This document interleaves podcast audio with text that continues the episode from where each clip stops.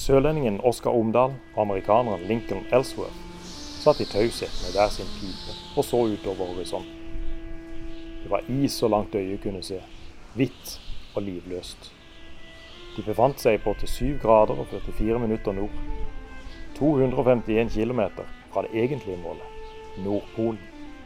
Datoen var 22. mai 1925. Flybåten N24 som hadde ført dem hit, var blitt skadet da den lettet fra Ny-Ålesund på Svalbard dagen i forveien.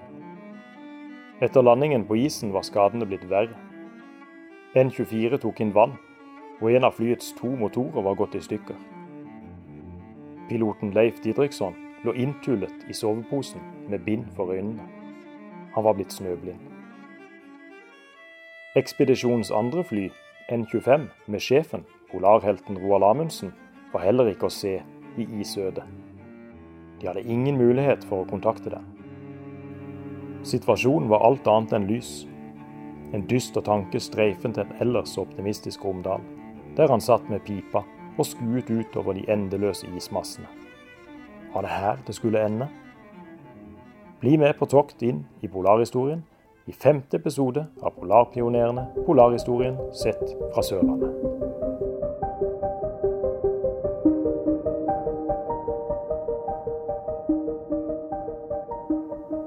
Norge har en lang og stolt historie som polarnasjon.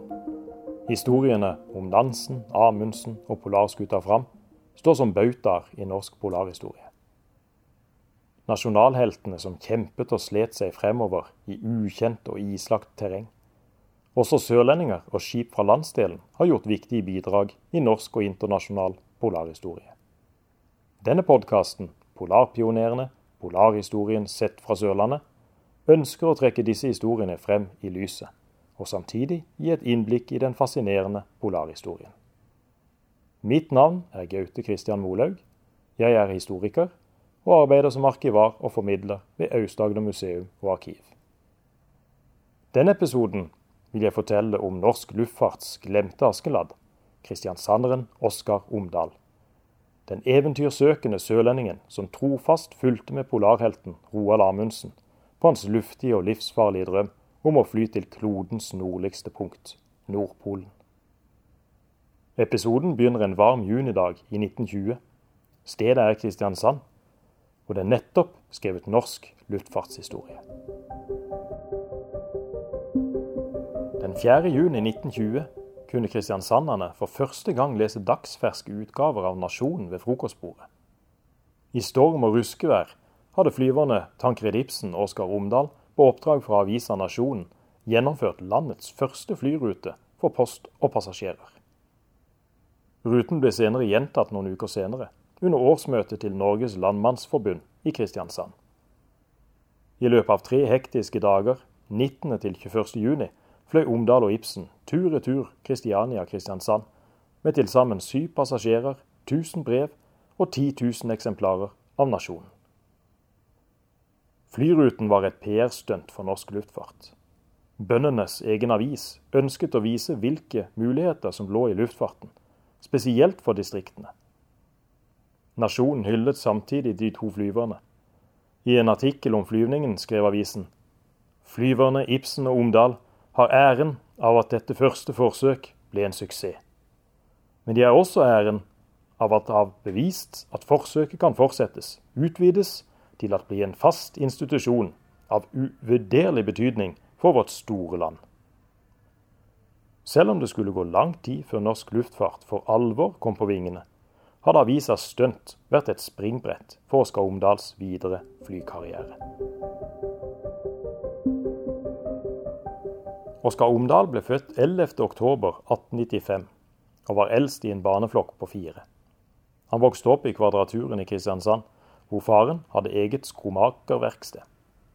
Oskar var teknisk begavet og hadde ingen planer om å følge i farens fotspor.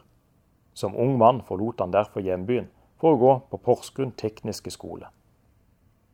Sommeren 1916 ble han elev ved Marinens nyetablerte flymekanikerskole. Etter fullført utdannelse søkte han seg inn som flyelev ved Marinens flyskole i Horten. Han fikk flysertifikat i 1919 og året etter ble han ansatt i flyselskapet AS Aero. Selskapet var eid av Henrik Ibsens barnebarn Tankred Ibsen. Etter nasjonens flystunt sommeren 1920 valgte Tankred Ibsen å legge flykarrieren på hylla. Oskar Romdal ble imidlertid ved sin lest. Det var i luften han hørte hjemme. I august 1920 begynte Omdal i det norske luftfartsrederi AS. Han skulle fly den første passasjerflyruten fra Stavanger via Haugesund til Bergen. Sjøflyruten ble kortvarig. Allerede etter få måneders drift ble både ruten og flyselskapet lagt ned. Det var ikke økonomisk lønnsomt å drive flyrute i Norge uten statsstøtte. Det skulle imidlertid dukke opp nye muligheter for den unge eventyreren fra Kristiansand. I 1921 hadde Roald Amundsen og polarskuta Maud ankret opp i Seattle etter flere års drift gjennom Nordøstpassasjen. Amundsen var lei av livet om bord og ønsket å ta en snarvei til Nordpolen. Han mente dette lettest kunne gjøre med fly. Amundsen hadde allerede i 1914 skaffet seg flysertifikat, som den første norske sivilist. Men noen særlig flyerfaring hadde han ikke. Han var derfor på jakt etter en uredd flyver. Oskar Romdal var på dette tidspunktet engasjert ved Marins flyvebåtstasjon i Kristiansand. Omdal var som alltid eventyrlysten, og kontaktet polarheltens bror og forretningsfører Leon Amundsen. I et brev datert 13.8.1921 tilbød han sine tjenester. Jeg, så fremt betingelsene er antagelige, er villig til at medfølge herr Roald Amundsens Nordpolekspedisjon som flyver, og kan eventuelt også tjenestegjøre som motormaskinist. Brødrene Amundsen likte sørlendingens pågangsmot, og engasjerte ham til den kommende Nordpolflyvningen.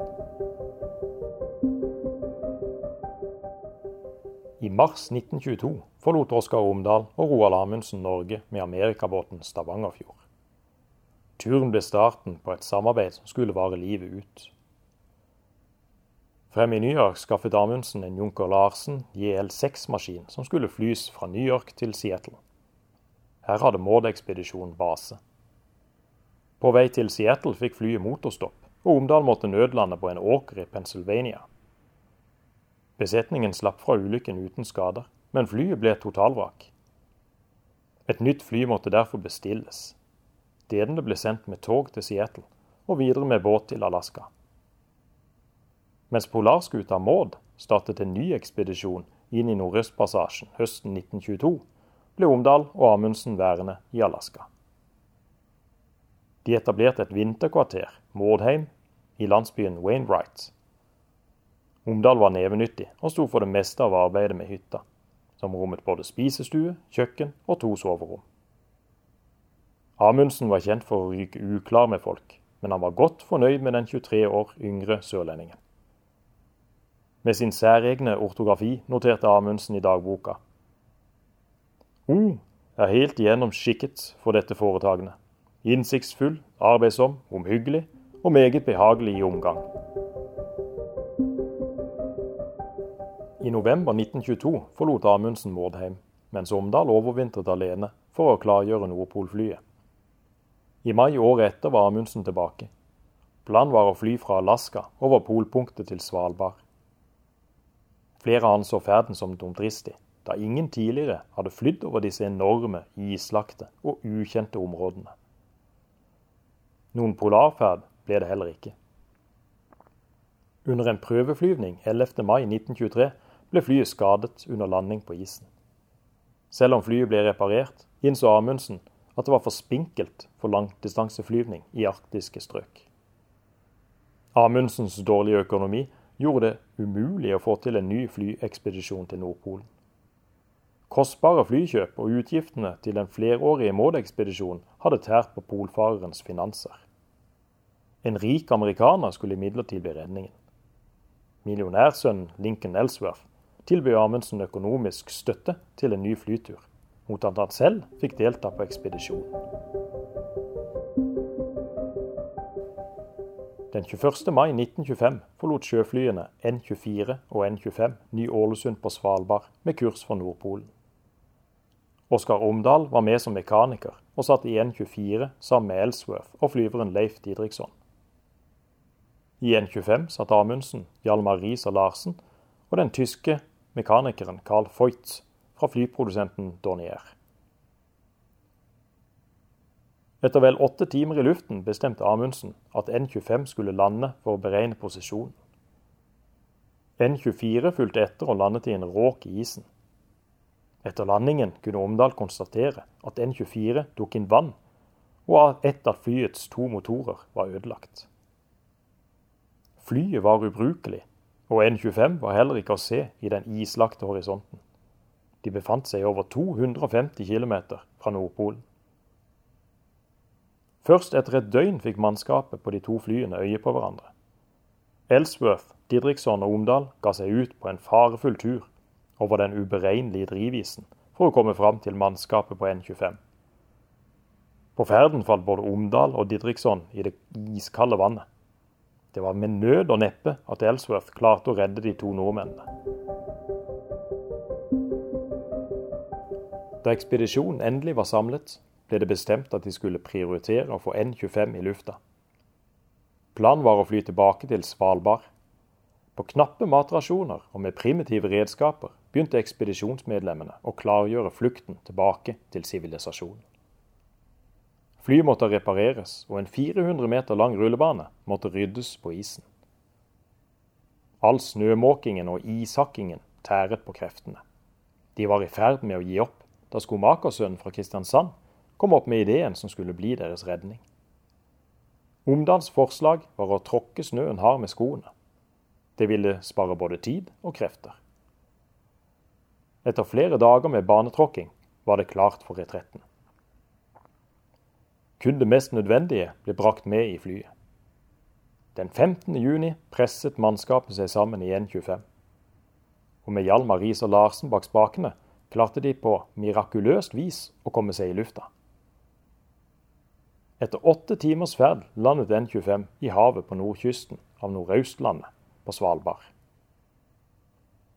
Der ble de plukket opp av fangstskuta Sjøliv, som tilfeldigvis passerte på vei til fangstfeltet. Kapteinen utsatte sine fangstplaner og brakte ekspedisjonen tilbake til Ny-Ålesund. Selv om ekspedisjonen ikke lykkes i å nå Nordpolen, ble deltakerne feiret som helter da de ankom Oslo 5.7.1925. Nærmere 50 000 mennesker og et hav av småbåter møtte fram da N25 fløy inn og landet ved Bygdøy. Flybåten la til ved Honnørbryggen, og de seks ekspedisjonsmedlemmene ble feiret før turen gikk videre i triumf opp til mottakelse og middag på Slottet. Verken Amundsen eller Omdal hadde gitt opp håpet om å nå Nordpolen. I et avisintervju etter hjemkomsten uttalte Omdal optimistisk. Til Nordpolen skal vi, om vi så skal flyve på et vaskebrett. Året etter den mislykkede flyturen skulle Amundsen endelig erobre Nordpolen fra luften. Litt over midnatt 12. mai 1926 nådde ekspedisjonen Amundsen Ellsworths nobile Transpolar Flight 90 grader nord med luftskipet Norge. Altmuligmann Oskar Omdal var en selvskrevet del av besetningen på 16 mann. Omdal hadde ansvar for en av luftskipets tre motorer. Turen over polpunktet gikk fra Ny-Ålesund til landsbyen Teller i Alaska. Da de passerte Alaskas nordkyst, kunne Omdal og Amundsen se hytta Mårdheim, der de hadde oppholdt seg tre år tidligere. Vel hjemme i Norge ble de norske nordpolfarerne hyllet som helter. I hjembyen Kristiansand fikk Oskar Omdal en storslagen mottakelse da han ankom den feststemte byen 29.07.1926. Nærmere 4000 mennesker og byens øvrighet var møtt frem for å hylle polarhelten. I en tale oppsummerte kaptein Einar Keim hvilken betydning den unge flyveren hadde hatt. Alle vet hva Omdal har vært for Roald Amundsen. Hvilken uvurderlig hjelp han har ytet ham gjennom mange års trofast vennskap og arbeide. Norgeekspedisjonen ble en ny døråpner for Omdal. Høsten 1927 ble han invitert til USA av sin gode venn sørlendingen Bernt Balken. Flyveren Balken skulle bistå den amerikanske polfareren Richard E. Byrd med å planlegge en sydpolekspedisjon. Byrd ønsket å bli den første til å fly over Sydpolen. Omdal fikk innvilget to års permisjon fra stillingen som fastlønnet flyverløytnant i marinen. Målet med USA-turen var å bli reserveflyver i Byrds planlagte antarktisk ekspedisjon. I påvente av ekspedisjonen fikk Omdal seg jobb på flyfabrikken Fokker i New Jersey. Omdal var en rastløs sjel, og begynte etter få måneder i jobben å se seg om etter mer spennende oppdrag. Året 1927 var det store luftfartsåret i USA.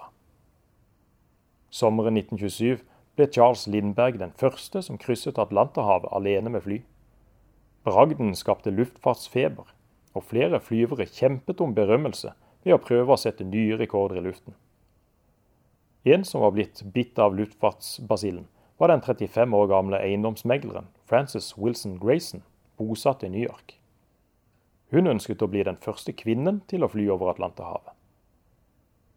Med støtte fra en rik danskgift amerikaner gikk Raisen til anskaffelse av et Sikorsky S-36 amfibiefly, som hun døpte The Dawn.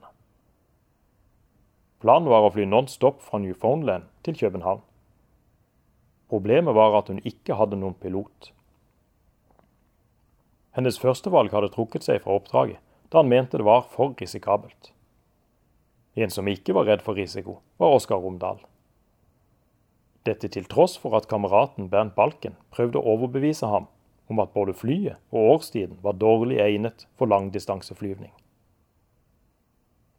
Den fatale desemberdagen, lille julaften 1927, klokken 17.07, tok The Dawn av fra Roosevelt Field på Long Island. Om bord var Omdal, Grayson, en navigatør og en radiooperatør. Flyet skulle mellomlande i Harbour Grace på Newfoundland før turen over Atlanterhavet. Så langt kom flyet aldri. The Dawn ble sist sett av den amerikanske kystvakten utenfor Cape Cod to timer etter avgang. Det var dårlig vær i området, og da flyet ikke dukket opp på Newfoundland, ble det igangsatt en storstilt leteaksjon som varte i flere dager. Men The Dawn og besetningen var sporløst forsvunnet. Mens leteaksjonen pågikk og håpet vant, ble Roald Amundsen intervjuet. Til den danske avisen Politiken sa han om Omdal. Han er en av de få helt vakre karakterer jeg har møtt i mitt liv, og han er en utmerket flyver som var fullt på høyde med den oppgaven han var satt til. Hvis det virkelig er gått galt, er det ikke fordi Omdal ikke var oppgaven voksen, men fordi det må ha inntruffet ting som ikke var tillatt forutse. Oskar Omdal ble bare 32 år gammel.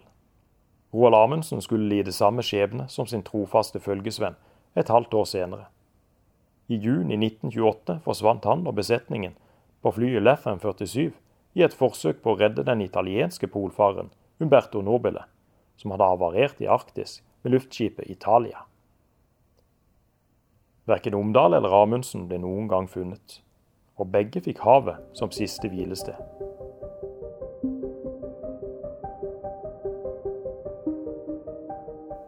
Neste episode av Polarpionerene skal du få høre historien om da flyveren Bernt Balken fra Tveit utenfor Kristiansand og en gammel selfangstskute fra Arendal hjalp amerikanerne til Sydpolen. På gjenhør. Denne podkasten er produsert av Aust-Agder museum og arkiv. Manuset til denne episoden er skrevet av min kollega Yngve Skjulstad Christensen, og produsent er Christian Hauglund Isaksen. Hovedkildene som er brukt i denne episoden, er Tor Boman Larsens biografi om Roald Amundsen, Lincoln Ellsworth bok 'Innsides horisonten' og Det store norske leksikons artikkel om Oskar Romdal. Likte du det du hørte, kan jeg også anbefale podkasten 'De hvite seil historier fra Sørlandets siste seilskutetid'.